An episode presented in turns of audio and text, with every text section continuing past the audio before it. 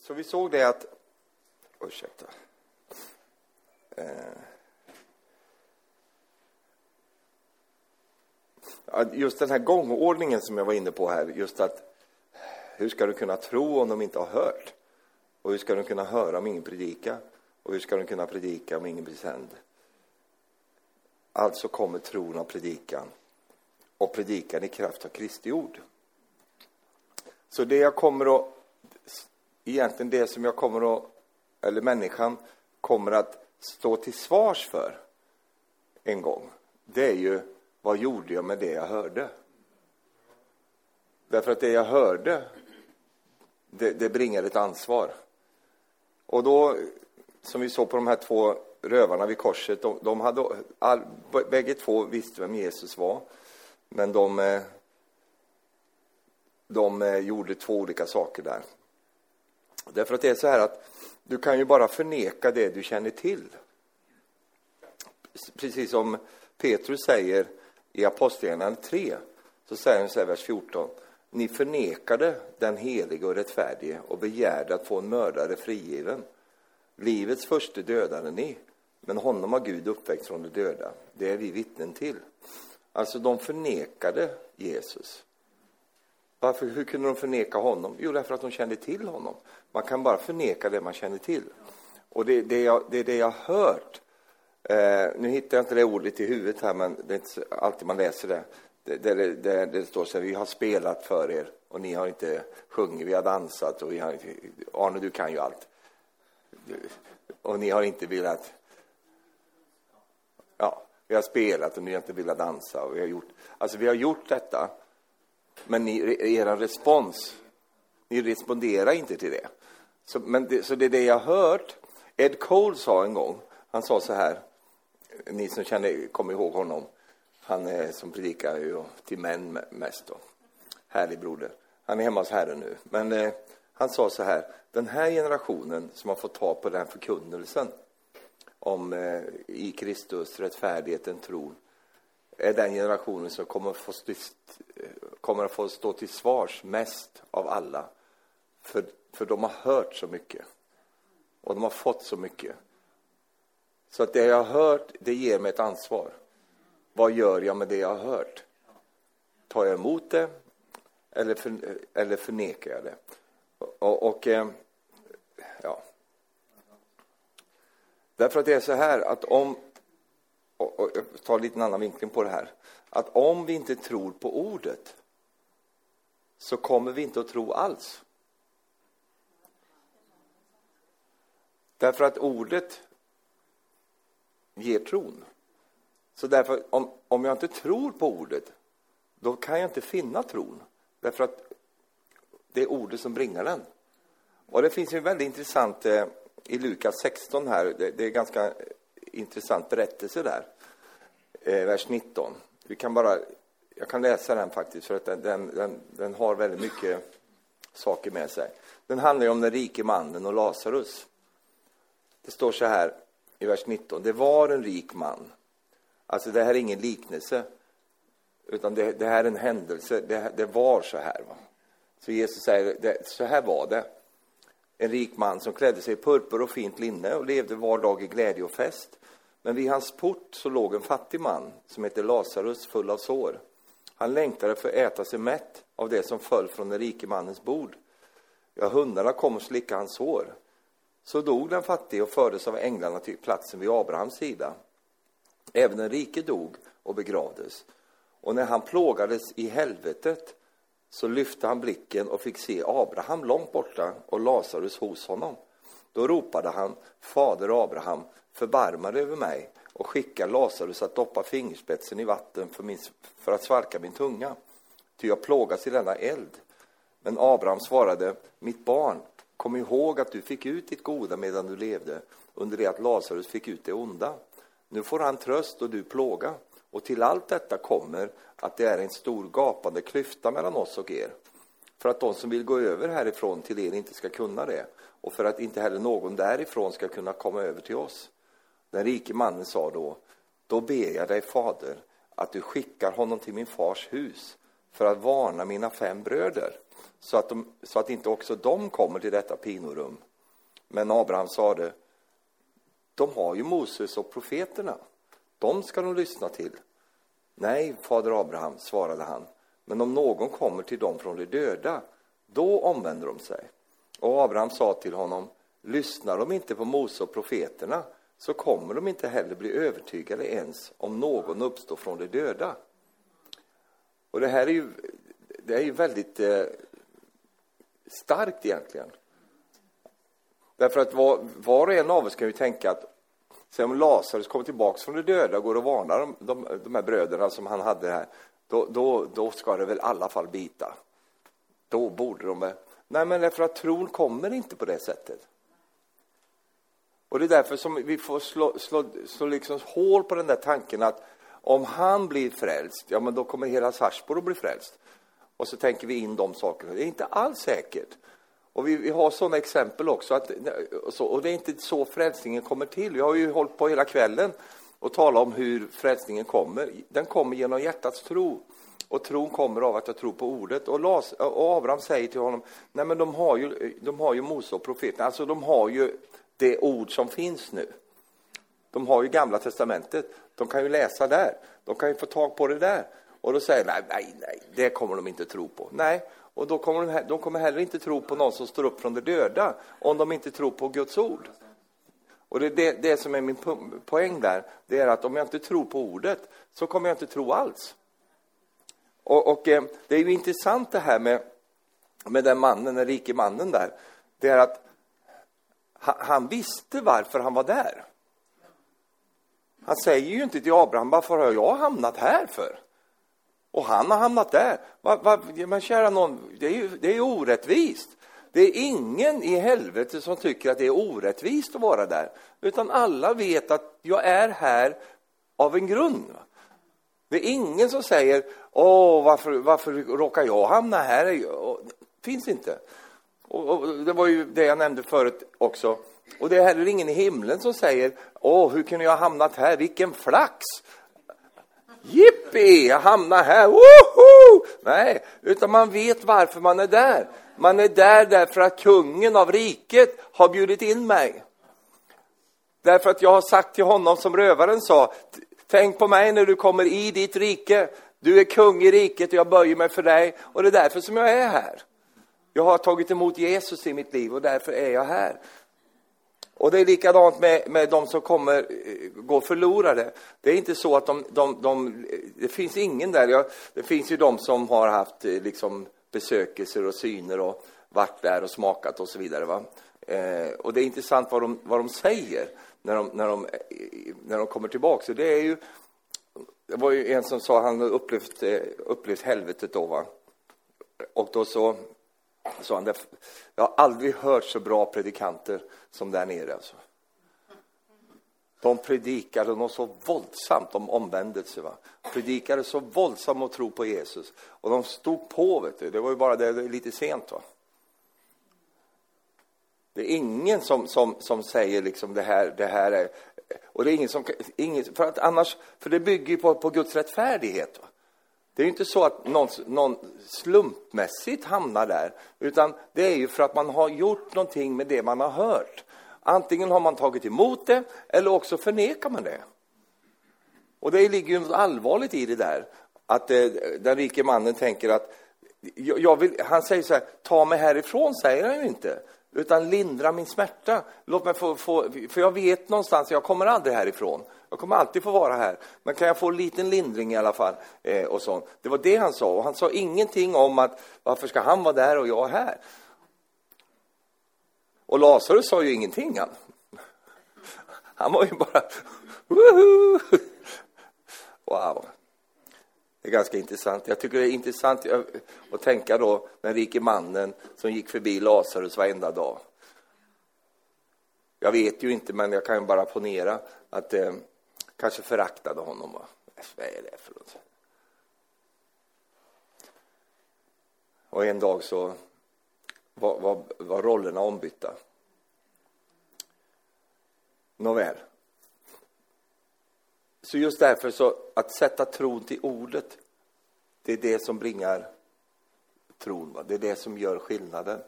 Och det är ganska skönt att det är på det sättet. Att eh, vi behöver inte någon som kommer tillbaks från de döda för att, för att eh, liksom tala om för oss eh, sanningen, utan den finns redan i Guds ord. Den finns redan i Guds ord. Och vi lever ju i en tid som är väldigt andlig. Och människor blir mer och mer andliga. 60 procent, nu är jag inte exakt säker på om det var 60 procent, men i alla fall en ganska stor procent i, människa, i, i Sverige, man har gjort undersökningar, tror på para, eh, alltså parafenomen, alltså. Eh, det här andliga saker och så. De tror på de här sakerna, de tror på allt möjligt. Eh, så världen blir, ju mer sekulariserad världen blir, ju mer andlig blir den. Det är ganska märkligt. Ju mer liksom så här hokus pokus filiokus eh, blir den. Eh, därför att det finns ett sånt tomrum i människans liv som inte blir besvart. Och eh, vi kommer att få se mer och mer av de sakerna och eh, man kommer att, att böja sig till allt möjligt. Men vet du vad? Vi har hans ord. Och vi säger som Abraham, Abraham till, till ordet kan de lyssna.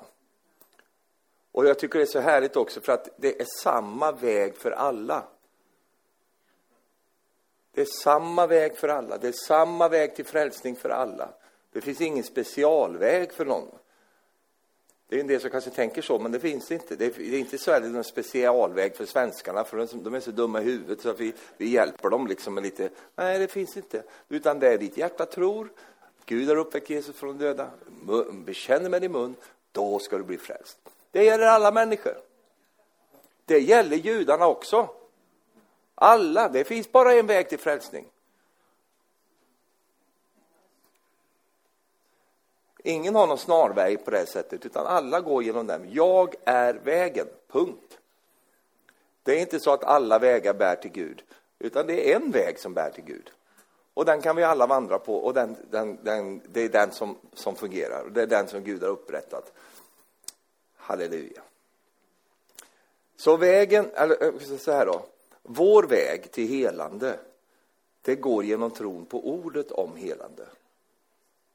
Jag ska, ska läsa den igen. Vår väg till helande, det går genom vår tro på ordet om helande.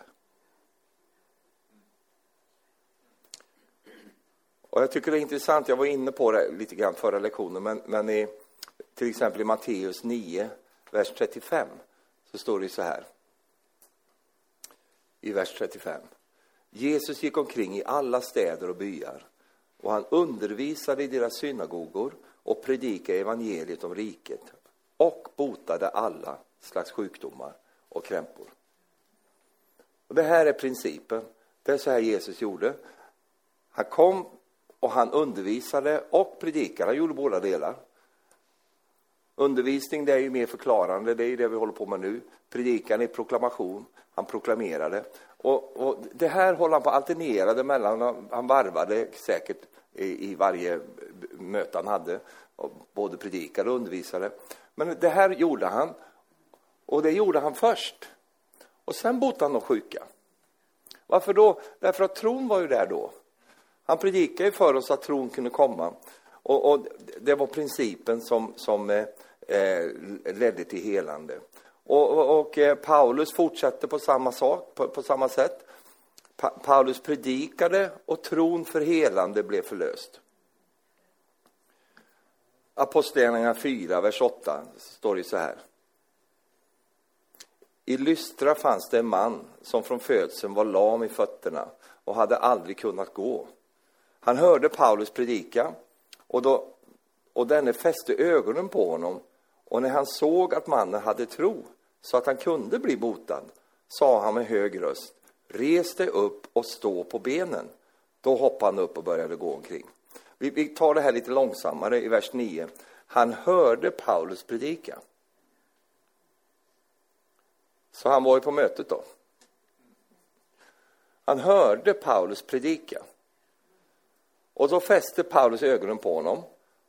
Och så ser han att mannen hade tro. Så att han kunde bli botad. Vilket betyder att om han inte hade haft tro hade han inte kunnat bli botad. Men nu, och det här tycker jag är intressant. Hur kunde Paulus se att just han hade tro. Tydligen kan man se det då. Så han såg, den pojken där, han kan bli botad. För han har tro. Och du vet, tron lyser fram genom ögonen på folk. Det gör ontron också. Och tro är ju någonting som, och det, det, det liksom kommer ur en människa. För annars skulle ju inte Paulus kunna se att han hade tro. Hur kan han se det? Men han såg det. Men han såg, han såg det ju inte innan han hade börjat predika för honom. Och du vet att Paulus, han var ju inte känd för att, för att ha korta möten. Det var inte hans liksom, åh, åh vi går och lyssnar på Paulus, han, han predikar så kort. När han predikar så att folk somnar och ramlar ner och dör. Va? Det är makalöst. Jag går inte in där nu, man kan bara eh, citera det för dig. Han predikar ju där i övre salen där och så, så predikade han så länge så att det var en ung man där som blev så trött va? så han somnade mitt under predikan. Det gick att sova under hans predikningar också. Så, så det betyder inte att du predikar dåligt, utan möjligtvis för länge. Så han, unggutten, han, han somnade och ramlade ut genom fönstret. Kanske satt han och vippade lite där på fönsterkarmen, jag vet inte. Så ramlar han ut och ramlar ner och slår huvudet och dör. Och då står det att då gick Paulus ner och bad för honom och fick upp honom så, så han fick liv igen, pojken. Och då kan man ju tänka, Woho! nu går vi hem, nu, nu, nu tar, tar vi det lugnt. Nej, då går han upp och fortsätter. Och så håller han på hela natten och predikar för dem. Välkommen till väckelsen. Jag tycker det är makalöst. Jag, tänker, jag är ju predikant, jag tänker, alltså hur kunde han koncentrera sig på att fortsätta att predika? Alltså, han har varit precis med om, om inte nära döden upplevelse, utan han dog ju pojken där. Och sen upp igen. Ja, var var det vi var någonstans nu? Ja, just det. Ja, punkt nummer fem. Då fortsätter vi här. Och så satt ju grabben där, liksom, hade precis vaknat upp igen där och satt ju med och lyssnade han också. Ja, men eh, poängen är den att Paulus predikar, tron växer. Och den kommer till den här mannen i Lystra. Och så helt plötsligt så, så mitt, jag vet inte om han avbröt sin predikan, det vet jag inte. Eller om han predikade färdigt, det, det, det, det förtäljer ju inte berättelsen. Men hur som då så, så såg han ju den pojken där, han, han, han har tro. Och då när han såg att han hade tro så att han kunde bli botad, då säger han till honom. Och jag tror ibland att vi, vi, vi, vi, vi går före oss själva här ibland, att vi ber för folk som inte har tro. Och så händer ingenting och så får vi skuld på det då. Typ, det hände ingenting. Vi kanske skulle vänta tills tron är där. Va? Du säger, ja men kära någon, jag kan, och, räcker det inte med att predikanten tror? Tydligen inte, eftersom Jesus inte kunde bota folk som inte trodde. Jesus, hans tro är inget fel på. Men han kunde ju inte bota människor som inte själva trodde. Därför att det, det, det, det var, inte, det, var ju det att de, de, de trodde inte för att de hade en hållning. Va? Och den hållningen det är ju otron. Va? Det är att du sätter ett O före tron. Det är otro. Bort med ot, så blir det tro. Eller som, som din pappa sa, ni säger ju inte otro, ni säger vantro. Få bort vannet ur tron. Va? Jag tycker inte den är stark, jag tycker den är jättestark. Få ur den där vannet ur tron, va? så att det blir riktig tro. Och just det där att, att han kunde inte där göra några mirakler. Han har botat några få sjuka, står det. Och han förundrades över deras otro, står det där. Det står inte att han förundrades över deras tvivel, utan över deras otro. Och jag gör en distinktion mellan tvivel och otro, för tvivel, det är någonting som vi alla har. Det har jag med. Man kan tvivla. Det är att man är lite mänsklig, man är, man är lite svag. Det, det är Jairus. Va? Jairus som, som fick med sig Jesus på en vandring hem. Jairus kommer och går med Jesus. De är på väg hem till honom. Och mitt i allt detta kommer den här kvinnan som ska ta för sig. Och hon blir ju helad. Och då blir det en paus där. Och då så hinner dottern dö där hemma. Och så kommer ju de från Jairus hus. Och då så säger Jesus, eller det står att han fäster sig inte vid, vid eh, vad de sa. Utan så vänder han sig till Jairus Och så säger han så här, frukta inte nu Jairus, utan tro allenast. Här har du en man som sviktar lite. Precis som, som Abraham sviktade också, fast han sviktade inte på en sådan måte så att han började ha otro, utan han, han var bara människa. Precis som du och jag är människa. Peter var människa. Han sjönk och Jesus drar upp honom igen och så säger Jesus, varför, varför tvivlade du? Så tvivel är något mänskligt, det är inte det jag talar om när jag talar om otro. För otro, det är ju att jag tar en ställning. Va? Och jag säger nej, det här går inte, jag har inte med det här att göra. Då är det kört. Va? Men tvivel, det har vi alla, vi människor. Säg efter mig, åh vad skönt att höra. jag, jag riktigt hörde någon som tänkte så. Ja, det var ju skönt, alltså. det kanske finns hopp för mig i alla fall. Det är klart att vi tvivlar. Jag tvivlar varje dag på olika sätt. Då. Men jag har ingen hållning som säger att Jesus inte kan eller Jesus inte kommer. Jag tror att han kan och att han kommer och att han, att han skall. Det tror jag med hela mitt hjärta. Men så vacklar jag till lite grann så här och det där ska vi inte liksom... Eh, man behöver inte slå ner på folk för det. Varför då? Därför att det är bara mänskligt att vara på det sättet. Men den där hållningen, den ska vi slå ner på. Därför att den, den kan till och med driva bort Gud. Va? Den kan till och med få, få undan Gud. Därför att då har jag tagit en ställning som säger att jag tror inte på dig. Jag tror inte på de här sakerna. Och det har vi rätt mycket av i kyrkorna faktiskt. Och det, det, det blockerar ju. Men i alla fall så, så, så Paulus där, han, han såg att han hade tro så att han kunde bli botad. Och då säger han, res dig upp, stå på benen. Halleluja. Prisat vare Gud. Ställ dig upp. Var en frimodig, vet Ja. Jag ska avsluta ikväll med, med eh, just det här underbara. I, jag har varit inne på det förut, men jag ska lägga in det här också. I Romarbrevet 1, vers 16. Där vi har någonting fantastiskt bra där. Där Paulus säger så här. Jag skäms inte jag skammar mig icke över evangeliet. Ty det är en Guds kraft som frälser var och en som... Så den frälser ju inte automatiskt. Utan den frälser var och en som... Mm. Och det är intressant att det står så, var och en som tror. Alltså, det är inte en nation som tror, det är inte en, en hel mening, utan en person. Var och en som tror. Och det leder mig till detta att det här med tron är personlig. Va? Det, är, det är någonting som, som, som jag bär i mitt liv, som, som jag inte bara kan lägga över på som något allmänt, utan det är den, ja, den tro du har, den tro jag har. Amen. Och eh, jag skäms inte för, för, för det, för att det är en kraft som fräls, Guds kraft som frälser. Först juden och sen greken. Rättfärdighet från Gud uppenbaras i evangelium av tro till tro som det står skrivet, den rättfärdige ska leva av tro. Det är mycket tro i den här versen. Här. Och det var det vi, vi startade upp med ikväll också, hur viktigt det är med tron. Och de som tror ska göra de här gärningarna.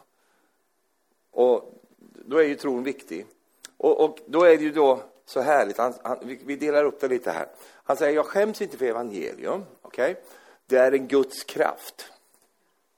Vad är evangelium? Det är en Guds kraft. Så när evangelium kommer, vad kommer då? Mm -hmm.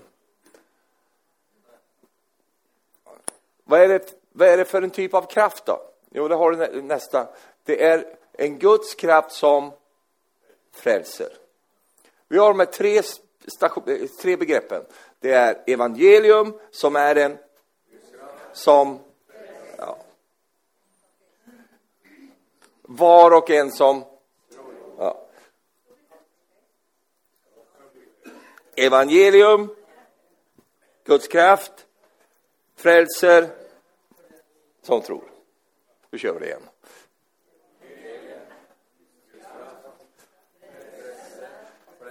Ja. Här har du räckeföljen. Är då evangelium viktig? Det är klart det är för att det börjar ju där. Det blir ingen frälsning utan evangelium. Därför att det, det är... Det blir ingen Guds kraft utan evangelium, för det är evangelium som är Guds kraft. Och jag tycker vi ska uppgradera det här med evangelium. Alltså. Därför att evangelium är inte bara bla, bla, bla, bla, bla, utan evangelium bär ju i sig självt Guds kraft. Till vad då? Till frälsning. Och när jag sätter min tro till evangelium så blir ju Guds kraft förlöst till frälsning. Och jag var ju inne på det för ett, för ett antal gånger sedan, kommer inte ihåg när, men att ordet frälsning här, Guds kraft som frälser, det är soteria. Och soteria är byggd på ordet sotso. Och sotso betyder ju frälsning. Och, och, bara för att läsa för er vad det här betyder eh, på engelskan, det betyder att, att eh, to save, deliver, make whole, preserve, save from danger, loss, destruction. Och sen så är det så här att det, det här för, ordet sotso, det förekommer för eh, 44, vad blir det? 44. 44 gånger i, i evangelierna. Varav eh, 14 av de gångerna så handlar det om befrielse från sjukdom och demonbesatt, alltså demon possession. Så du ser du att, att fräl, ordet frälsning så kan brukas till frälsning som vi tänker det, men också befrielse från sjukdom och demoner.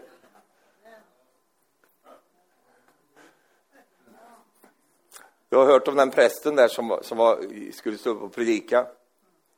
Man hade, han hade med sig sin bössa med sig på, som var ju förr i tiden, med sig sin bössa upp i den där holken som de stod i. Och sen av någon, av någon, and, någon orsak där så gick bössan av. Puh, det small bara. Alltså. Och då, var det nog, och då gick prästen ner för att fixa med det där. Han försvann ju där på den där. Och då var den nere i bänken och sa hukar gubbar, nu laddar han om. Alltså, det...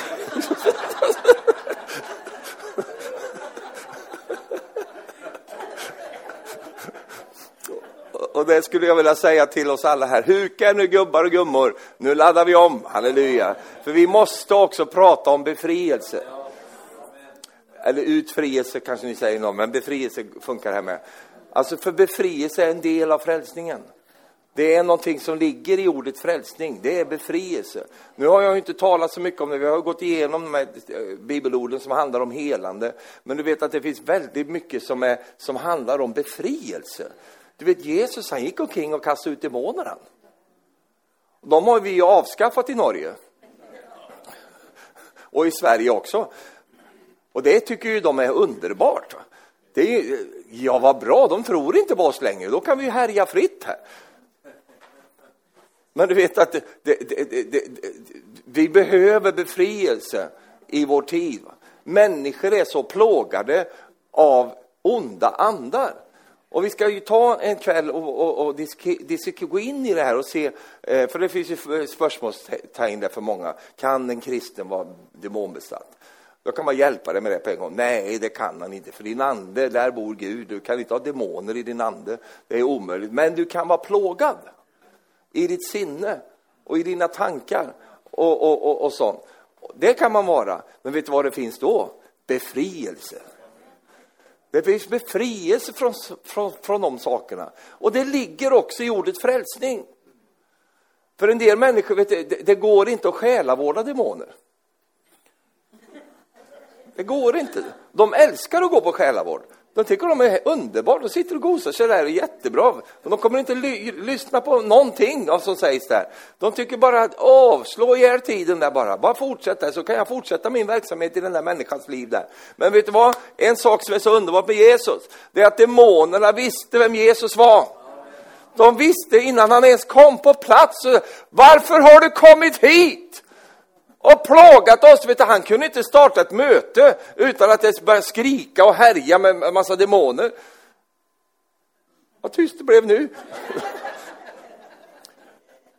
För de reagerade på den ande som verkade i Jesus. Och jag kan tala om en sak för dig också. Det gör de i din, mot din ande också. Om du undrar varför en del blir så irriterade på dig, det är för att deras demoner blir provocerade av din ande. De blir provocerade av den renheten, blir provocerade av den tron. Så de reagerar, de irriterar sig och gillar inte dig. Varför då? Inte för att du har ett visst hår eller inget hår alls, eller du har brist på tänder. Det är inte därför, utan det är för att din ande provocerar de demonerna. Sån är det ja, sån är det. Sån är det. Och därför ska inte du bli ledsen liksom, och du blir jätteledsen när det, när det händer. Bli inte ledsen, ta det inte personligt. Varför då? Därför att det har inte med de personerna att göra, det som pågår runt omkring dem. Och därför så, så behöver vi ha en miljö av frihet. Och den friheten den, den, kan aldrig bli liksom fullt etablerad om inte djävulen blir bortdriven. Alltså. Ja. Det var som en som sa, kommer ni ihåg det, Norval Hayes, han kom till Uppsala, han sa så här, en del menar ju på att det, de, ser en, de ser en demon bakom varje buske. Och då sa han, nej men jag ska upplysa er, det finns inte en demon bakom varje buske, det finns tio. För det var en liten diskussion om det där. Va? Och, och, eh, och, vi, ska, vi ska inte fördjupa oss för allt för mycket, för det är, evangelium pratar om många saker, men det finns också en plats för befrielse. Och, och, och skicklig befrielse från onda andars inflytande. Och det är vår gudagivna rätt att få leva frihet från de sakerna. Sen blir vi plågade, sen blir vi attackerade allt det där. Men du vet att det är inte meningen, jag brukar säga så här, alltså de här demoniska tankarna, det är som fåglar som flyger runt i skyn. Va? Du kan inte göra så mycket åt det, de är där. Va? Du vet, du går på köpecentret, du vet, det är fullt av demoner där. Va? Och då kan ju inte du gå och ah! så skrika där, de är ju där, det är inte ditt ansvar. Va? Men om en, en sån där demonisk fågel kommer och sätter sig på ditt huvud och ska bygga bo där, då har du ett personligt problem. Och då behöver man göra någonting åt det, få bort de sakerna. Det är inga demoner som ska gå över bron i ditt liv. De ska bara hålla sig borta ifrån dig. Amen. Ja. Så 14 av de här 44 eh, ställena som eh, evangelierna talar om frälsning handlar om befrielse från sjukdomar och demoner. Och det är viktigt att ha med sig det också. Så när du och jag sätter vår tro till evangeliet, det är då kraften blir förlöst. Och när kraften blir förlöst, ja då händer de sakerna som evangeliet talar om. Och det är det som är så fantastiskt att det fungerar på det sättet. Och allting är byggt upp av att jag tror på evangeliet. Jag tror på det. Jag tror att det, detta är en Guds kraft till frälsning. Och, och, vilket betyder att, att eh, och, och, och, om vi backar upp då, evangelium vad, vad, vad, i sin tur, vad betyder det? Det är det goda budskapet, det är det glada budskapet om Jesus, vad han har gjort och, och Jesus, vad, vad, hans fullbordade verk på korset. Det är liksom budskapet och det är där djävulen darrar och bävar. Han är, han är inte så rädd för dina budskap, men han är rädd för evangeliet. För att han vet att där i ligger kraften. Och, och då vår uppgift då, det är att hålla oss till evangeliet, att inte dra ut ur det, eller inte dra bort från det, utan istället bara hålla oss där, för då kan kraften bli förlöst. Och jag menar på detta och, och tänker så själv också, att om det är för lite kraft så beror det på att det är för lite evangelium. Jag är en väldigt enkel kille, du har märkt det. Jag är inte så komplicerad människa. Jag är svensk. Så jag, jag, jag, är inte så invecklad på det sättet. Jag tänker, om det är en Guds kraft i frälsning och det inte finns någon kraft, ja men då, då, måste jag ju backa bandet och se varför finns det ingen kraft? Jo men det, det är ju evangeliet som är Guds kraft i frälsning. Alltså det, är inte, det står inte metoderna är Guds kraft i frälsning. Det står inte kommittéerna i Guds kraft till frälsning, programförklaringar. Det står ingenting om det. Det är evangelium, det är det som är Guds kraft till frälsning. Och är, det är så underbart att veta detta, för att evangelium, det är läsbart. Det går att läsa evangeliet. Det är bara att läsa Matteus, Markus, Lukas och Johannes. Det är bara läs på bara. Där i ligger ju evangelium.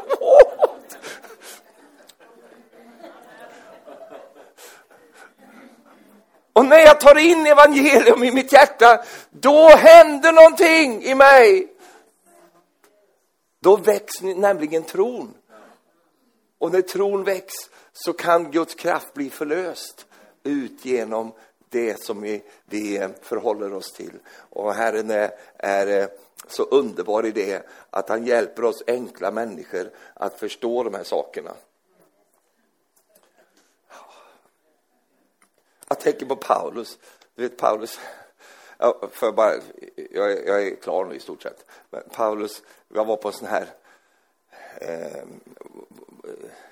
var som en bibelgrupp kan man säga.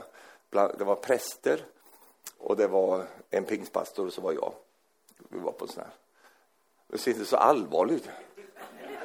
Ja, Jätteallvarligt. Det var ju bara berätta en liten story. Jaså, var du där? Mm. Pingstpastor, säger Om man var sån där, du vet, sån här, vad ska vi kalla det för, ledargrupp eller något sånt. Och då skulle de ha ett litet bibelstudium där. Jag ska bara slå upp det här så att jag vet vad, vad jag pratar om. Eh, och då, ursäkta mig. Vi är så gott som klara nu så vi behöver inte tänka att det kommer en massa mer här nu. Så det här, vi ska avrunda med det här. Eh, och då så var det en av prästerna där. Jättehärliga bröder måste jag säga. Underbara, trodde på Jesus och jättehärliga. Ovanligt faktiskt i Sverige. Jätte... Ja, det är faktiskt ovanligt. Att... Du, har själv hört det. Vi har en sån fin präst här i, i, i bygden. Han tror på Gud. Okej, okay. det är jättestarkt. Men de var där, så talade tal, de. Och, och det här är ett område då nere i södra Småland, där i Kronoberg. Där, där, gick inte riktigt reformationen gick inte riktigt igenom där, va? utan eh, ja, den gick, men motvilligt. Va? Och det har satt sina spår då, vilket har gjort att det blir väldigt högkyrkligt där va? och väldigt så här, va? Eh, åt det katolska hållet kan man säga. Och då i alla fall så skulle de ha, och då skulle bibelstudiet handla om evangeliet. Vad är evangeliet? Det var det som var budskapet. Och då tänkte, satt jag där från mitt håll, där jag kommer ifrån. Så jag ska inte säga något idag, jag ska bara lyssna. Så. Hur, hur, hur framställs det liksom där då? Ja, så börjar ju med Romarbrevet 1 där. Det här är ju evangelium. Att det, det är en Guds kraft som frälser och, och så. Och, och, och, så. Men det, det, finns en annan sida som vi inte har tagit upp idag, där, det, där han säger vidare där. Rättfärdighet från Gud uppenbaras nämligen däri. Vi läste det? Ja. Det vill säga, i evangeliet så finns det en plats av uppenbarelse. Guds rättfärdighet till exempel uppenbaras i evangeliet. Det var inte ett ord om det. Va? Eh, så, utan då, då, då, då, gick det ut på det här då. Ja, men vad är evangeliet då? Ja, det, och så var det olika saker. Det var bra saker, så det var inget, inget sämre. Men så kom det då till den här nästa bibelord, och det var det här i första Korinthierbrevet 15, vers 1. Bröder, jag vill påminna om evangeliet som jag predikade för er. Som ni stod emot, äh, inte stod emot, utan som ni tog emot och står fast i. Genom vilket ni blir frälsta. Jag vill påminna om ord jag förkunnar om ni håller fast vid. Eh, annars var det förgäves att ni kom till tro. Jag meddelar er det allra viktigaste, vad jag själv har tagit emot. Och där stoppade eh, eh, föreläsaren, stoppande, ställa en retorisk fråga. Så, vad, vad jag själv har tagit, och då så var frågan, vem har förmedlat detta till Paulus? Och, och, läser du om det så vet du vad, vad Paulus säger. Ingen människa har gett det till mig. Jag har fått det genom den helige Ande. Va? Det är vad han säger till galatierna. Men i alla fall, och då var det en som lyfte handen. Jag vet. Jaha. Maria. Det var hon som kom med Då hade jag svårt att hålla mig där. Men jag, var, jag sa till mig själv, jag ska vara tyst hela Så jag var tyst där. Men då vaknade pingstpastorn till liv där. Tack och lov alltså. Min broder. Och så, sakta i backarna, sa han. Det tror jag inte för fem öre på, sa han. Han var väldigt bra, sa han. Utan jag tror att den helige ande uppenbarade det för Paulus. som han själv har, som han säger, jag har själv tagit emot. Men det var inte det som var min poäng nu, utan min poäng var detta. Här är då evangeliet som han säger, jag meddelade er det allra viktigaste, nämligen vad jag själv har tagit emot. Nummer ett, att Kristus dog för våra synder, enligt skrifterna. Han blev begravd och han uppstod på tredje dagen enligt skrifterna. Så vad är detta för något? Det allra viktigaste. Jesus dog för våra synder enligt skrifterna. Jesus blev begravd och upptag, uppstod igen på tredje dag enligt skrifterna. Så evangelium det som vi känner, det som vi vet, det allra viktigaste är ju kärnpunkten där Jesus dog och uppstod. Det är ju själva kärnan i hela evangeliet. Det, det är det allra viktigaste. Kanske Paulus tänkte, jag har inte tid att, att gå ut i det för mycket nu, utan jag får bara ge dem det allra viktigaste. Får de med sig detta så har de kärnan i hela evangeliet. Får de bara tag på det så kommer de att klara sig, därför att ut ur det så kommer allt det andra också. Amen. Och det är så intressant att det står så här att det inte är evangelium liksom bara utanpå, nej, enligt skrifterna. Och du vet ju detta att Jesus gjorde allting enligt skrifterna för att det skulle uppfyllas det som var sagt genom profeten Jesajas. Att han, han tog på sig våra synder och våra sjukdomar, de bar han, halleluja. Amen. Han botade de sjuka därför att det skulle uppfyllas allt det som var profeterat om honom innan. När Emmausvandrarna kom och var förbryllade och undrade vad som har hänt, då började Jesus gå igenom alla delar i gamla, gamla testamentet där det stod om honom och, upp, och liksom gick igenom detta för dem, för att de skulle vara rotfästade i detta underbara som kallas för evangeliet. Evangeliet är ingen liten, liksom, liten notis som någon skickar in, utan det är underbyggt av allting som skriften pratar om enligt skrifterna. Prisat vara Herrens namn. Jesus dog för våra synder och han blev begravd och uppstod på tredje dagen enligt skrifterna.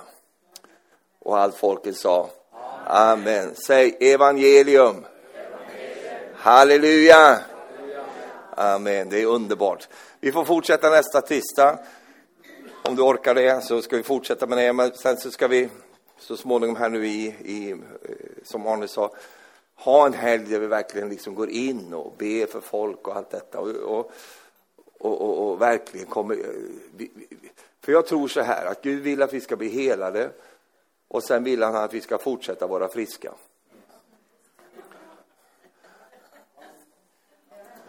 Alltså, ibland måste ju Gud gå in och hela oss för vi är sjuka. Men han vill också att vi ska vara Tack och lov. Amen. Tack för att ni kom ikväll. Gud välsigne er.